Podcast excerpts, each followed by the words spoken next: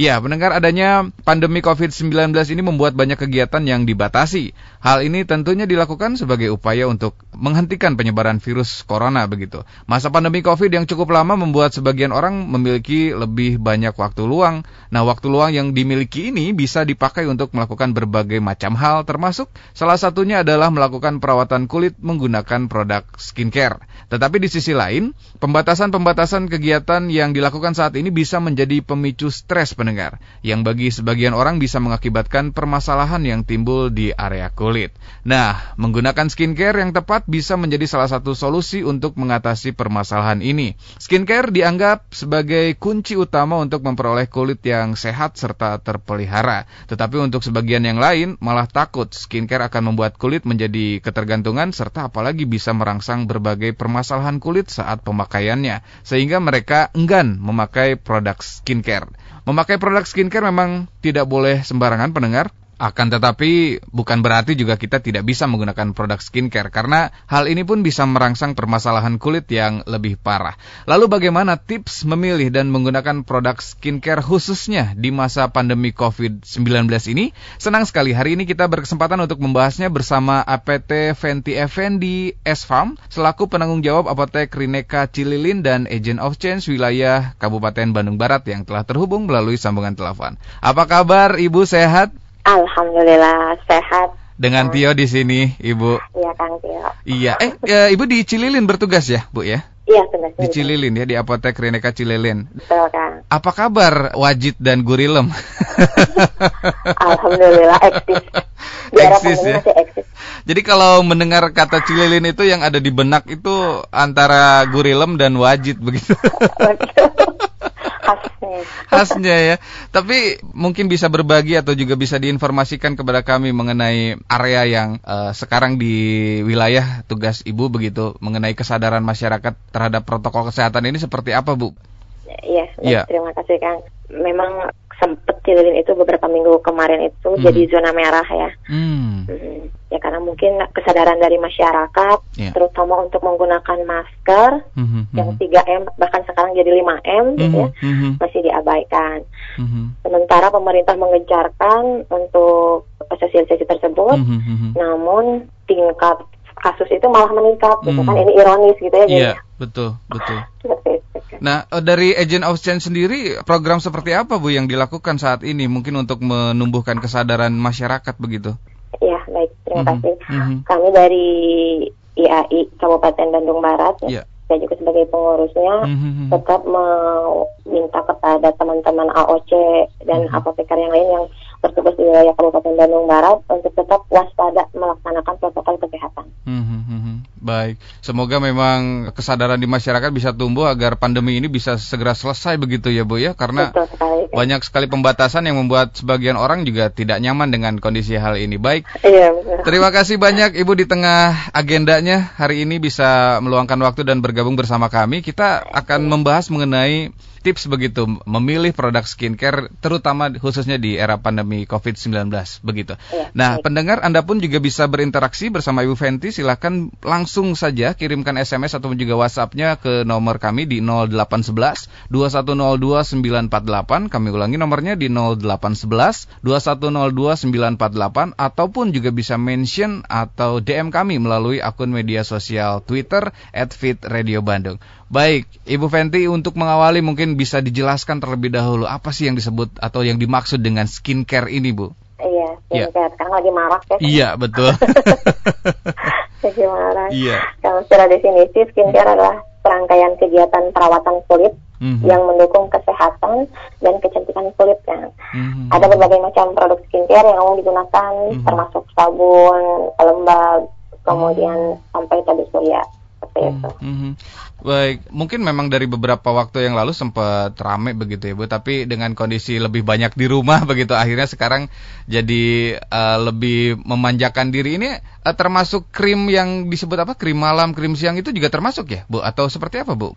Iya, Mhm. dalam skincare itu memang ada krim malam gitu ya, ada Hmm. krim siang. Mhm. Tapi kalau misalnya kalau skincare itu termasuk kosmetik Oh, kosmetik. Ya, bagian Hmm. dari farmasi ya. Mhm. Menurut Undang-Undang Kesehatan Nomor 36 Tahun 2009, Mhm. Sediaan farmasi meliputi obat, bahan obat, obat tradisional, dan kosmetika. Mhm. Kemudian menurut Peraturan Menteri Kesehatan Republik Indonesia Nomor 117 Mhm. 1176 tahun 2010 Mhm. tentang notifikasi kosmetika. Mhm. Kosmetika adalah bahan atau sediaan Mhm. yang dimaksudkan untuk digunakan pada bagian luar tubuh manusia Hmm. atau gigi dan mukosa mulut, terutama Mhm. untuk membersihkan, Mhm. mewangikan, mengubah penampilan dan atau memperbaiki bau badan atau melindungi atau memelihara tubuh pada kondisi baik. Jadi Hmm. untuk kondisi yang sehat gitu, bukan Mhm. kondisi yang sakit gitu ya. Mhm. Kalau misalnya sekarang ada ber- beredar lagi di pasaran Iya.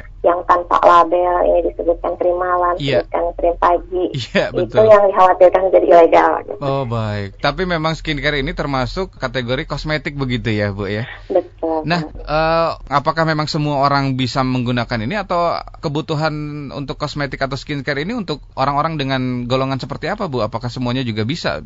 dari pertama bangun ya sampai bang sampai mau tidur Iya. lagi mungkin Kang Tio bisa merinci nih Iya. saya menggunakan apa saja nih misalnya pasta gigi Iya, betul, betul. kemudian Iya. sabun kemudian apa sunblock atau Mhm. care Mhm. seperti itu ya Mhm. atau misalnya deodoran seperti itu jadi Mhm. bisa digunakan dari bayi bahkan Hmm. dari bayi ada kosmetik khusus untuk bayi ya. Iya, iya. kemudian iya. orang dewasa remaja Iya. dewasa Mhm, kemudian mhm. yang orang tua juga bisa Ya, jadi memang untuk segala usia ada peruntukannya begitu ya, Bu ya, skincare ini. betul Kang Nah, apa yang berbeda, Bu, dari era sebelum pandemi dengan saat ini begitu yang pandemi Covid ini terjadi? Apa yang membedakan, Bu, untuk pemilihan ataupun juga penggunaan skincare ini? Iya, baik. Di masa pandemi ini Mhm. Penggunaan masker sebagai gaya hidup ya Kang ya. Iya, betul. Betul sekali sekali Yang sudah. menutupi sebagian area kulit wajah gitu. Iya, betul sekali. Namun tidak mesti mengabaikan eh, untuk merawat kulit gitu ya. Ah, tertutup Mhm. ini gitu. Mhm, mhm, Iya, iya.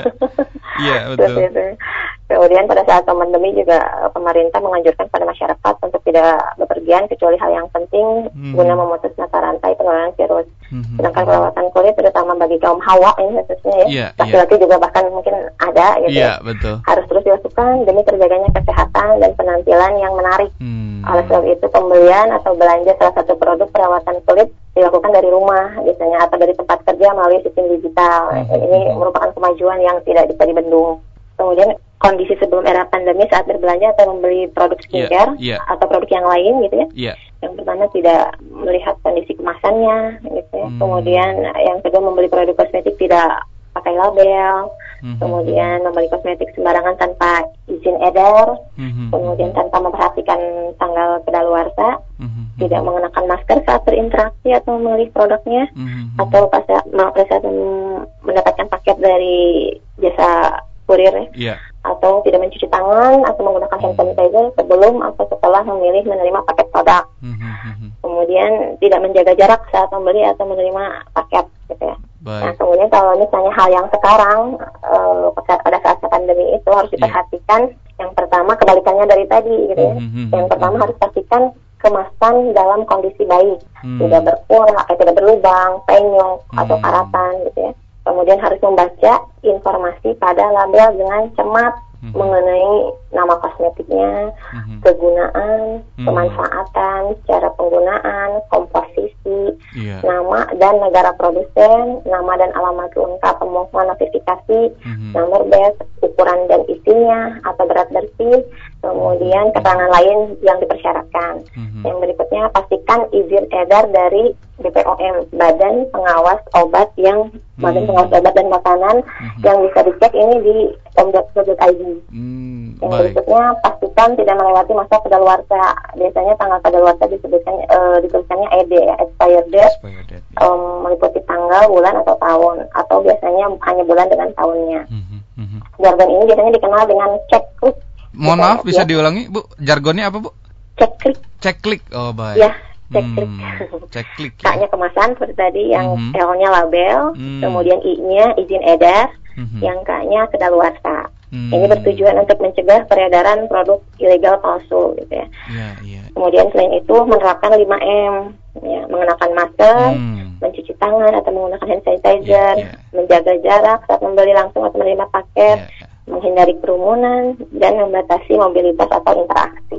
Baik, jadi memang yang digarisbawahi sekarang ini sudah menjadi gaya hidup begitu ya Bu ya, dan Betul. yang perlu juga diperhatikan adalah tetap penerapan protokol kesehatan yang saat ini perlu dilakukan begitu. Tadi uh, salah satu yang memang tren sekarang adalah online ya Bu ya, jadi di media ya. sosial juga ini banyak sekali yang menawarkan begitu krim pemutih begitu ya, atau dan lain-lain begitu. Nah ini yang perlu di perlu diperhatikan adalah ketika masyarakat begitu ya akan membeli atau memilih uh, skincare atau produk tertentu ini harus tadi yang Ibu sebutkan adalah cek klik ya Bu ya, kemasan, Betul. label, izin edar dan Betul. masa kadaluarsa begitu ya Bu ya. Nah, untuk uh, yang BPOM itu tadi bisa dicek di mana ya Bu ya? Dicek bpom.pom.go.id. Baik, untuk me... untuk mengetahui hmm. uh, produk tersebut sudah diuji BPOM atau belum atau ada izin edarnya.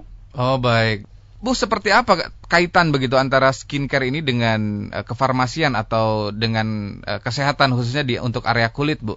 Iya. Mm-hmm. Uh, produk skincare merupakan bagian dari sediaan farmasi, Kang. Mm. Ya, sediaan farmasi apa yang tadi saya sebutkan yeah. adalah obat, obat, bahan obat, yeah. obat tradisional dan kosmetika. Ini berdasarkan Undang-Undang Kesehatan Nomor 36 Tahun 2009. Hmm, baik, kosmetik ini adalah bagian dari sediaan farmasi begitu ya Bu ya.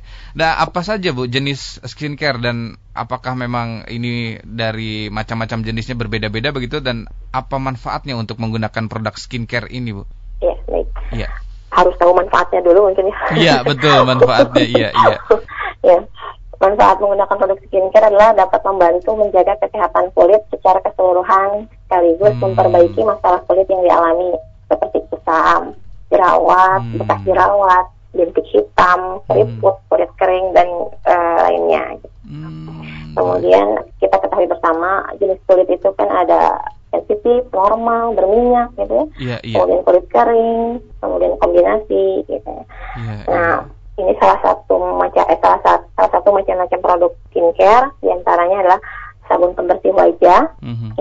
disesuaikan dengan jenis kulit juga kan untuk pemilihan mm-hmm. sabun pembersih wajah. Mm-hmm. Untuk membersihkan kotoran yang menumpuk pada keringat. Mm-hmm. Kemudian toner wajah fungsinya adalah membantu mengangkat sisa-sisa kotoran dan minyak yang masih menempel setelah membersihkan wajah. Mm-hmm. Dan uh, menyeimbangkan pH kulit gitu ya. Mm-hmm. Kemudian pelembab yang bertujuan untuk melembabkan kulit serta menghaluskan. Mm-hmm. Selain itu pelembab juga berperan menjaga struktur alami kulit, menyimbangkan pH kulit, dan melindungi kulit dari paparan radikal bebas. Mm-hmm. Kemudian sunscreen. Nah, yeah. ini sunscreen sangat penting.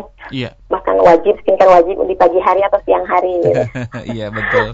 Menggunakan sunscreen mm-hmm. atau tabir surya mm-hmm. untuk menghindari paparan sinar matahari berlebihan yang menyebabkan mm-hmm. kerusakan kulit seperti flek, jerawat, mm-hmm. bahkan kalau yang paling parah sampai kanker gitu ya, kanker kulit. Iya, yeah, iya, yeah, betul. Kemudian serum wajah, cairan yang ringan mengandung konsentrasi zat aktif yang lebih tinggi serum ini diyakini meresap ke dalam kulit dibandingkan pelembab atau krim wajah. Hmm. Yang berikutnya adalah essence, hmm. cairan berbahan dasar air dengan konsentrasi bahan aktif tinggi yang bertujuan untuk melembabkan kulit dan membantu produk skincare agar dapat meresap lebih baik ke dalam. Hmm. Kemudian yang berikutnya krim mata atau hmm. eye cream gitu ya. Biasanya ada yeah. yang mata panda, yeah, kemudian yeah. ada yang di bawah mata ada yang keriput gitu ya. betul betul. Kemudian ini diperlukan oh, gitu ya kemudian face oil mm-hmm. bisa digunakan untuk skincare rutin malam hari misalnya mm. bagi yang kulit kering gitu ya untuk berminyak mungkin ini dihindari mm-hmm. ya itu. baik jadi memang ini membantu untuk menjaga begitu ya merawat kulit biar Betul,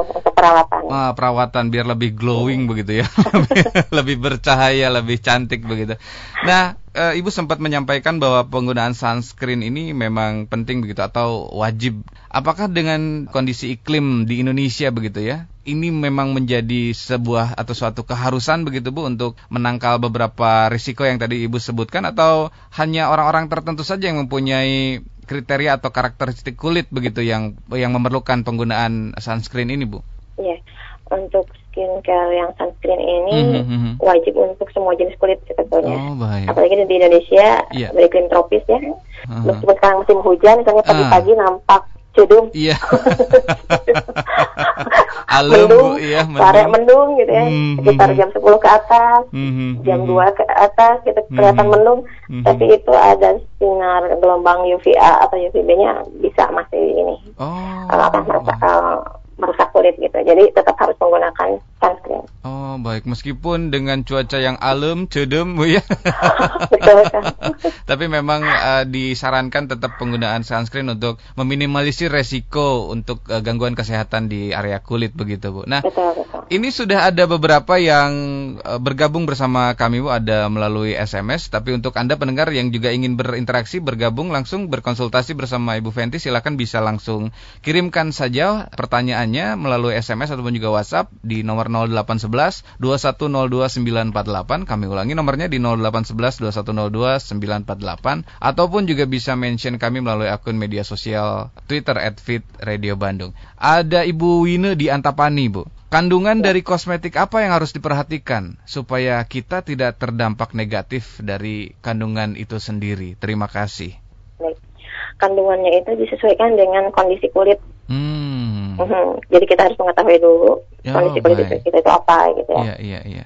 Tadi yang sudah disebutkan ada kulitnya kering, berminyak, normal, Iya, kemudian eh, sensitif atau kombinasi gitu. Hmm. Baru bisa memilih gitu ya. Mhm, mhm. Eh, biasanya setiap produk itu suka ada beauty consultantnya kan. Mm-mm, kalau misalnya iya, itu bisa iya. dikontak, kita atau bisa kalau misalnya mas ke klinik skincare Iya. bisa ditanyakan ke dokternya, dok kira-kira ini Oh. jenis kulit saya apa gitu, yang cocok apa. Ya, jadi memang eh, wajar ketika ada yang bilang bahwa skincare ini cocok-cocokan ya, Bu ya. Tapi Betul. cocoknya maksudnya harus disesuaikan juga dengan kondisi kulit begitu eh, tipe kulitnya ya, Bu ya untuk Betul. untuk itu. Tapi kulit. bagaimana dengan merkuri begitu atau bahan pengawet yang berbahaya lainnya begitu, Bu? Oh iya.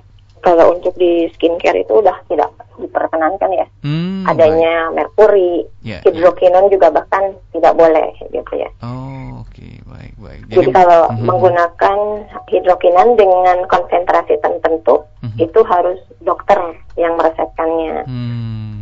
Jadi tidak dijual bebas di pasaran begitu ya, Bu ya, yang bisa dengan mudah didapat begitu, Bu. Betul, harusnya Baik. tidak. Baik. Tapi baik. kalau misalnya dilihat dari yang Mhm. penjualan online atau Iya. tanpa label gitu ya, itu Iya. dikhawatirkan. Jadi suzon. oke. Iya betul betul. Jadi memang saat ini juga kita berusaha untuk memberi edukasi begitu ya kepada masyarakat banyak agar memang lebih selektif atau minimal lebih aware terhadap produk yang dibeli, terutama yang memang berkaitan langsung dengan tubuhnya begitu ya bu. Karena memang Iya. Di enggak-enggak juga memang kalau penggunaannya tidak benar atau terus tidak tepat membeli produknya ini bisa eh, beresiko begitu. Ibu Iya. menyambung nih ada dari 0877223 sekian sekian. Tipe kulit saya kering. Jadi sering jerawatan dan muncul ruam kalau pakai masker. Ada saran menggunakan skincare yang seperti apa, Ibu? Terima kasih. Ya, masker yang sekarang lagi gaya hidup mungkin ya itu. Ya, balik lagi ke lifestyle ya, Bu ya. Ya. Iya. ya, kalau menggunakan masker itu kan eh, berapa lama gitu ya? Mhm, Kita bisa tahan. Nah, di situ kan muncul penguapan air atau keringat gitu ya. Mhm. Nah, untuk kulit yang sensitif harusnya ditambahin apa namanya pelembab yang agak rutin gitu. Atau misalnya diganti maskernya berapa lama sekali, misalnya tiap tiga jam sekali atau empat jam sekali. Gitu. Oh.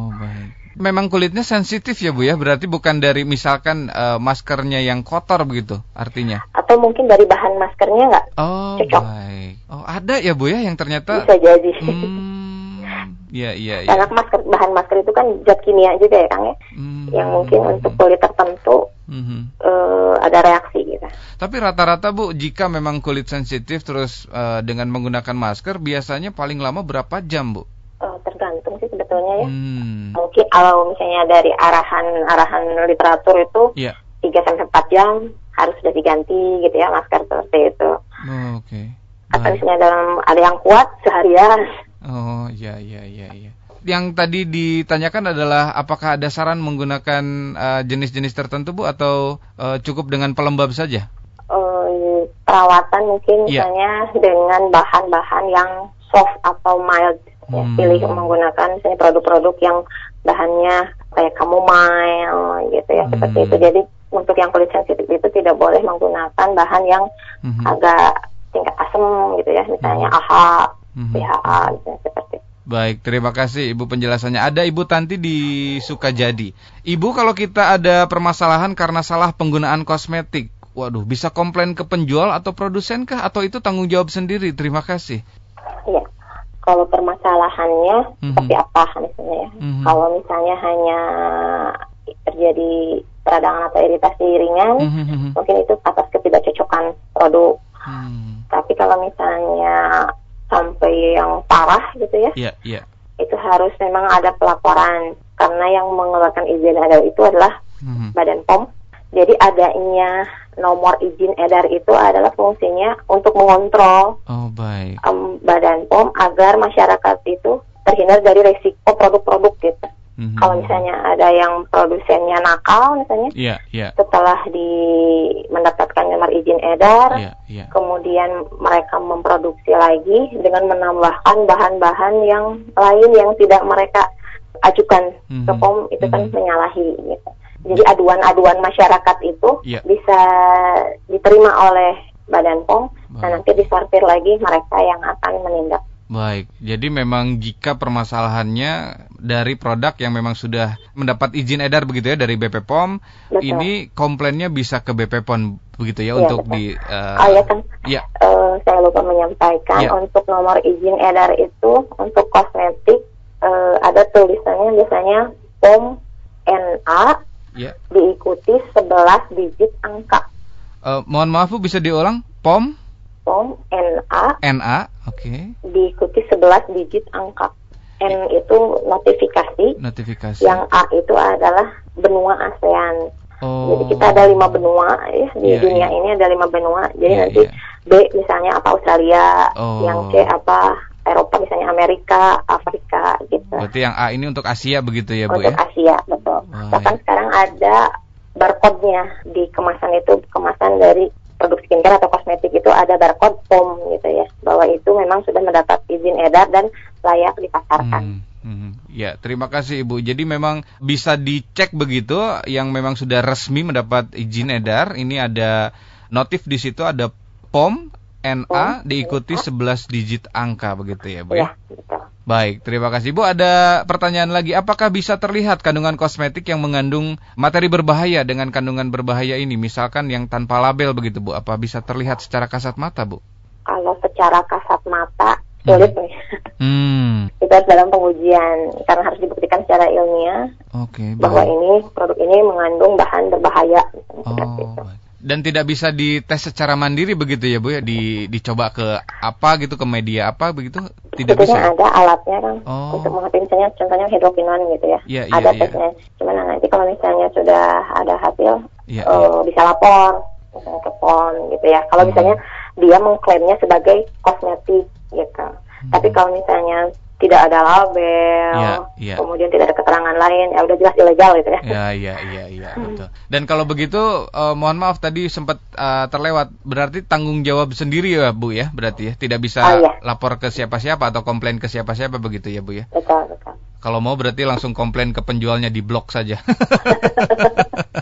baik, Bu, ada Ibu Ana di Gunung Batu. Ibu, produk seperti apa yang baik untuk bayi?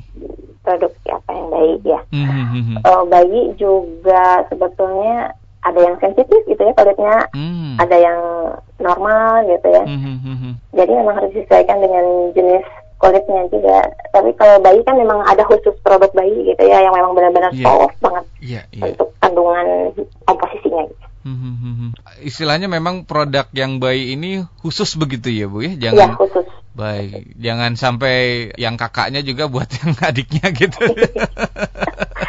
Dan biasanya tergantung harga juga ya mempengaruhi ya Hmm. harga dari harga jual atau Hmm. harga belinya. Lebih mahal Bu untuk yang bayi? Eh, beragam sih sebetulnya. Hmm. Tapi biasanya kalau harga itu nggak ngebohongin ya. Ada harga, ada barang ya, Bu ya. oh, ada harga, ada rupa. Baik, terima kasih. Ibu sebetulnya hal apa berarti yang bisa kita perhatikan dalam memilih produk skincare begitu secara kita rangkum begitu ya untuk Ya. terutama di era pandemi seperti saat ini, Bu. Iya, di era pandemi ini Mhm. eh, tetap ya yang ceklik itu harus jadi Hmm. prioritas. Ceklik, baik. Mhm. Mhm. Kemudian terapkan protokol kesehatan ya, yang 5M Mhm, mhm. karena sekarang kan pada saat misalnya mau membeli barang Mhm, mhm. itu dapat ada plastik, ada kemasan yang lain gitu ya. Mhm. Kita khawatir kalau misalnya di sana tuh jadi media Mhm. COVID. Hmm, harus waspada selalu ya Tentu Bu. pada ya. Kalau Harus misalnya waspada. mendapat barang, Iya. biasalah desinfektan dengan desinfeksi dengan misalnya alkohol, Mhm. desinfektan atau de, Mhm. apalah yang bisa mendesinfeksi COVID Iya. Ya, jangan lengah ya Bu ya dengan kondisi seperti ini. Penyebarannya sudah karena- sangat random ini. Iya. Ini ada eh, webinar dari Dokter Lia Mhm, mhm. dari ini ya Kang ya, Mhm. dari beliau itu apa ya Subid Penanganan Kesehatan Satgas COVID-19 Mhm, Dr. Lia G. Partakusuma, mohon maaf kalau saya menyebutkan mhm. uh, bahwa virus COVID-19 masih hidup dalam permukaan-permukaan. Hmm. Kemudian di aerosol, it- di aerosol itu 3 jam, tapi kalau di permukaan dalam jumlah banyak, dia bisa hidup di kaca, di kayu, di Mhm. plastik, Mhm. kemudian di karton. Nah, produk skincare itu kan pasti menggunakan bahan-bahan tersebut ya. Mhm, Ada kaca, Iya, kayu, iya. plastik, karton gitu. Iya, iya, iya. Jadi intinya setiap orang perlu mewaspadai penularan uh, virus corona ini Mhm. dari berbagai media. Kita harus melakukan desinfeksi, Iya. kita minum semuanya. Virus ini bisa mati dalam suhu lebih dari 60 derajat atau pakai alkohol, desinfektan atau pakai deterjen. Itu. mhm. Baik, terima kasih Bu. Reminder untuk kita semua bahwa memang kewaspadaan kita begitu jangan sampai kendor begitu ya Bu ya karena ya itu tadi penyebarannya bisa dari mana pun begitu yang bahkan yang tidak kita sangka-sangka. Nah, Iya. seperti apa Bu tuh untuk tips begitu berbagi kepada kami semua? Seperti apa tips untuk cara menggunakan skincare ini untuk menjaga kesehatan kulit a- ataupun juga merawat kulit begitu Bu? Ya, baik. Untuk menjaga kulit wajah yang sehat, Iya. bersih, cerah, dan awet muda. Iya. Urutan pemakaian skincare yang benar harus diperhatikan ya Kang ya. Iya. Agar tidak sampai salah menggunakan dan kita Mhm. bahkan memperoleh manfaatnya gitu ya. Mhm, mhm, Cara yang tepat menggunakan produk skincare dasar yang biasanya rutin pada pagi hari, mhm. urutannya bisa facial wash dulu untuk membersihkan kotoran-kotoran sisa-sisa make up, Hmm.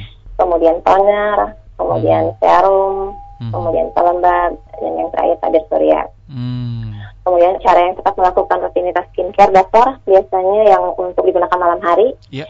make up remover, ini untuk membersihkan make up, Mhm. kemudian produk pembersih wajah seperti sabun, milk cleanser gitu ya, Mhm, mhm. kemudian scrub, ini untuk mengeksploitasi atau Hmm. eh, melepaskan sel kulit mati. Mhm, mhm. Yang berikutnya adalah toner, kemudian yang berikutnya serum wajah atau essence, krim mata atau eye cream, kemudian krim malam, dan sekarang lagi viral sleeping mask. Apa tuh Bu? sleeping mask itu biasanya kalau digunakan pada malam hari Ya. setelah serangkaian produk skincare yang tadi, yang sleeping mask diawetkan. Ini fungsinya adalah untuk melembabkan, Oh. jadi dipakai semalaman. Masker begitu ya, seperti masker begitu ya Bu ya, berarti ya? bentuknya semacam kayak krim tapi yang cair gitu ya Oh. Iya, iya, diawetkan iya. untuk yang kulit kering terutama Dan itu aman-aman saja di, di di bawah tidur begitu ya Bu? ya aman-aman Hmm. saja dan tetap harus memperhatikan izin edarnya Hmm, mhm. Baik, baik. Terima kasih tipsnya Ibu. Semoga bisa mengedukasi kita semua dan membuat kita semua tetap glowing begitu. Terakhir Ibu closing statement yang bisa disampaikan mengenai pembahasan kita hari ini. ya baik terima kasih Kang selalu cek kemasan label izin edar Iya. ini dikatakan cek klik kemudian terapkan dalam memilih atau menerima produk skincare itu terapkan 5M memakai masker mencuci tangan menjaga jarak menghindari mobilisasi ya Mhm. kemudian untuk mendapatkan hasil yang optimal urutan penggunaan produk skincare harus sesuai dengan jenis dan kebutuhan kulit Hmm. seperti itu Baik, hatur nuhun terima kasih banyak Ibu sudah meluangkan waktunya. Hari ini bisa bergabung bersama kami dan semoga tidak pernah bosan untuk mengedukasi masyarakat selalu ya Bu ya. Iya, baik. Terima kasih banyak. Terima Tio. kasih, sehat selalu Iya. dan selamat beraktivitas Ibu. Amin. Iya, makasih. Demikian pendengar perbincangan kami bersama APT Fenty Effendi S Farm selaku penanggung jawab Apotek Rineka Cililin dan Agent of Change wilayah Kabupaten Bandung Barat. Dan pendengar Anda pun bisa menyimak kembali setiap episode kami bersama para narasumber melalui podcast Spotify Fit Radio Bandung. Tetap fit, tetap sehat, tetap semangat fit listeners and stay fit for life.